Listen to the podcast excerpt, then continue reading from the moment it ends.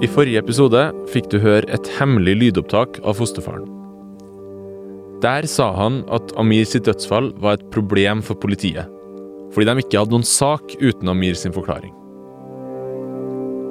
Og det er riktig at dødsfallet er et stort problem for politiet og deres sak mot fosterfaren. For hva skjer egentlig med en straffesak hvor hovedvitnet ikke lenger er i live?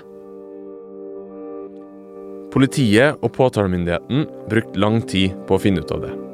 Først 19. april i år, nesten tre måneder etter dødsfallet og bare ei uke før saken skulle starte, fikk familien til Amir beskjed.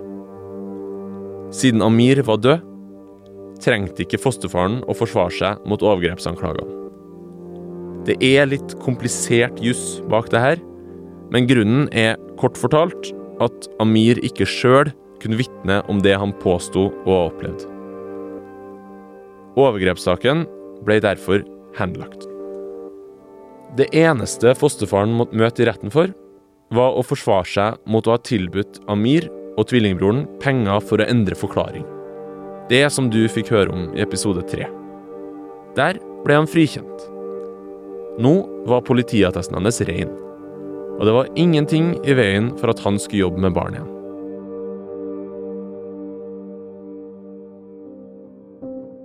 Men det skulle likevel vise at saken ikke var over ennå.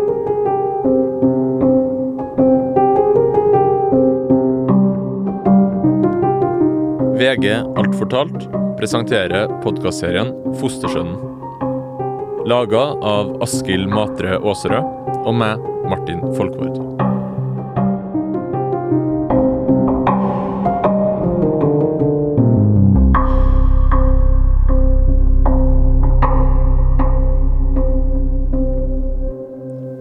Femte og siste episode.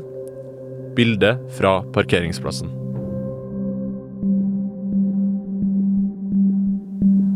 Etter at overgrepssaken hadde blitt henlagt, og fosterfaren hadde fått tilbake politiattesten sin, så kom det, nå i sommer, kontrabeskjed fra Riksadvokaten. Riksadvokaten er instansen som har det overordna ansvaret for behandlinga av alle straffesaker i Norge. Og beskjeden derfra var klar og tydelig. Overgrepssaken, der Amir anklaga fosterfaren, burde ikke ha blitt henlagt. Politiet ble instruert til å etterforske videre. Konsekvensen av det var at fosterfaren på ny ble tiltalt for overgrep. Han mista igjen politiattesten sin. Og det bringer oss over til en by på Vestlandet en varm julikveld i sommer. Det er sommerferie og lite aktivitet. Men på en parkeringsplass utafor en institusjon står en sølvgrå Skoda. Den eneste andre bilen som står på parkeringsplassen, tilhører fotojournalist i VG, Tore Kristiansen. Når det er andre biler på en parkeringsplass, så kan du jo lettere liksom gjemme deg i bilen. Men det var, det var bare to biler på de. Det var den bilen som de disponerte, og vår bil.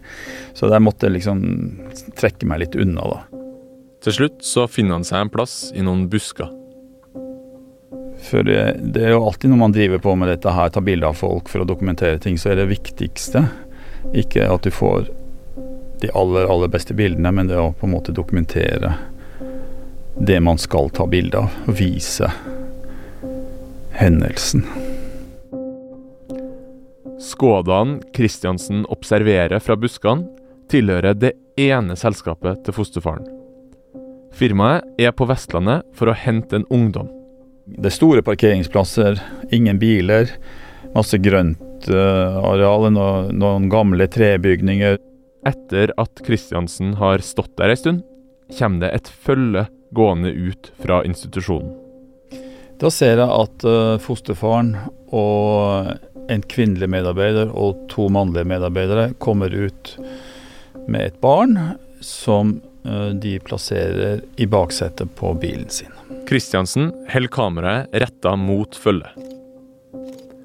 På ett av bildene han tar, smiler fosterfaren til en av sine ansatte. Så setter han seg inn i bilen. Og, alle fem kjører av gårde. Den overgrepstiltalte fosterfaren jobber fortsatt med barn.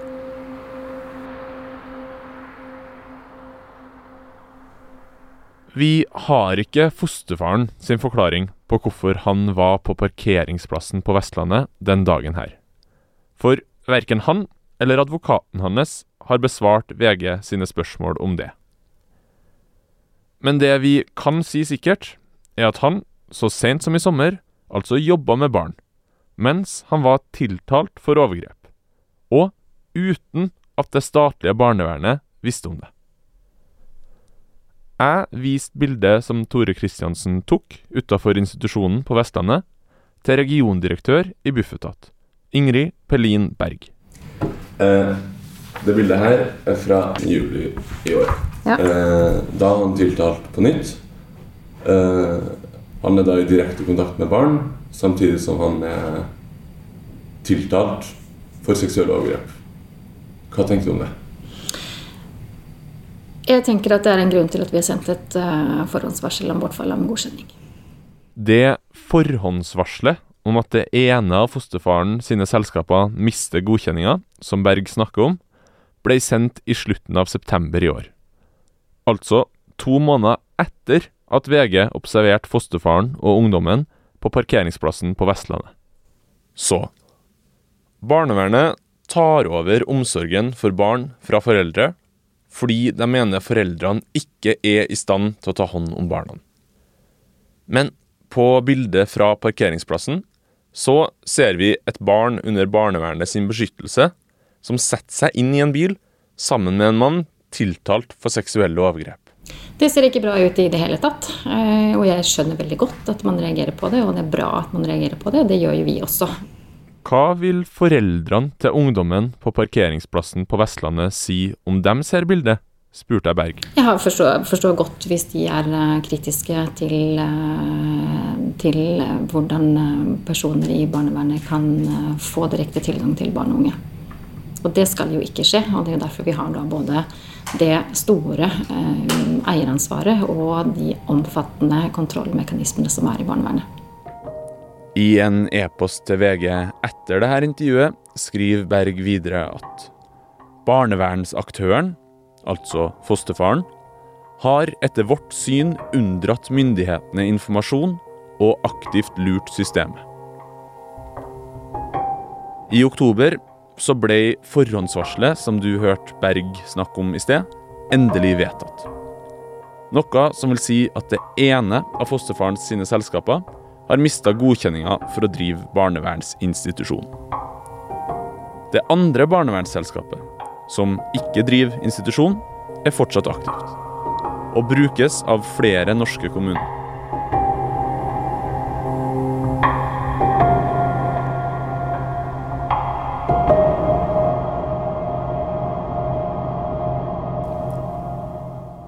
VG har stilt fosterfaren mange spørsmål om hvorfor han har unnlatt å informere barnevernet om tiltalen han har på seg, og hvorfor han har jobba med barn uten gyldig politiattest.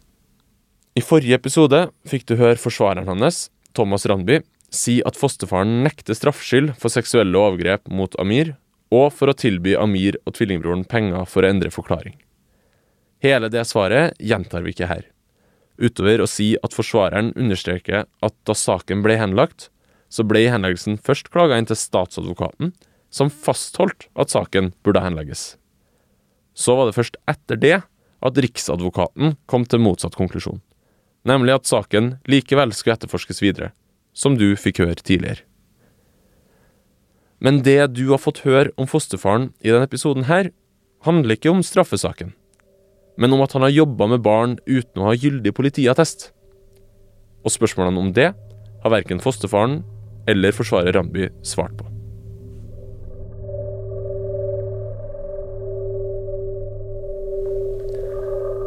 Vi starta den podkasten her med å stille to spørsmål.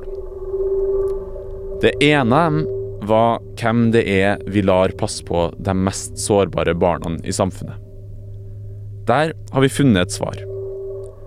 For uansett om fosterfaren er skyldig eller uskyldig, så har han gjennom den saken her vist at det er mulig for mennesker som er tiltalt for seksuelle overgrep, å unngå de kontrollmekanismene som fellesskapet har satt opp for at de ikke skal kunne jobbe med barn. Men det andre spørsmålet vi starta denne podkasten med, var om det var fosterfaren eller Amir som løy da de to møttes på baren på Grønland. Er det sant, som Amir sa, at fosterfaren hadde forgrepet seg på han?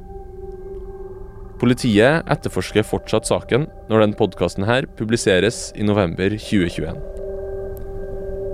Fosterfaren benekter fortsatt alle påstander, både om seksuelle overgrep mot Amir og å tilby tvillingbrødrene penger for å endre forklaring. Amir sjøl er død og kan ikke kommentere.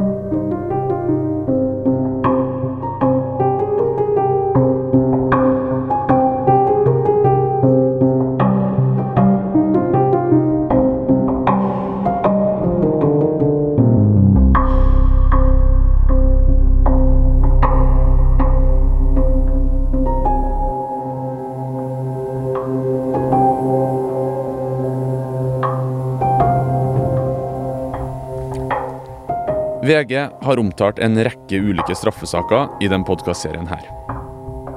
Dette er status for dem den 6. november 2021. Fosterfaren er tiltalt for overgrep mot Amir. Politiet etterforsker fortsatt saken.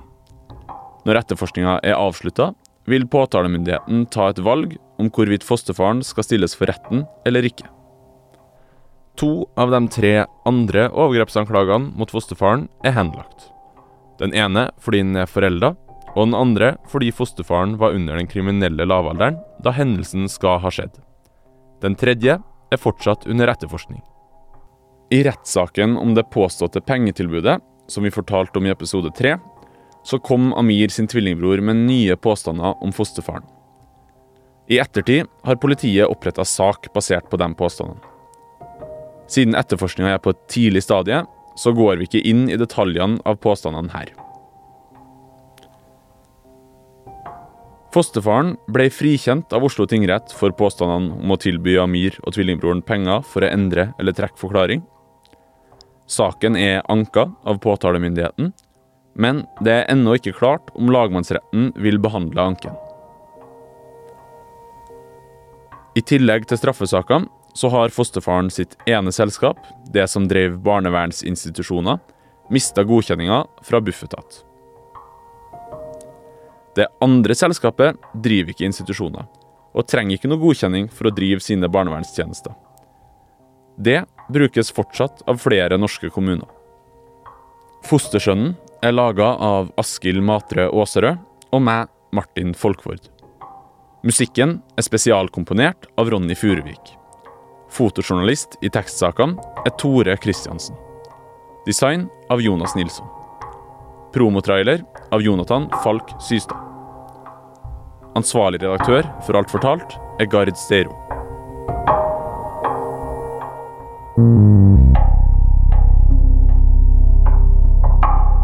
Du har hørt en podkast fra VG.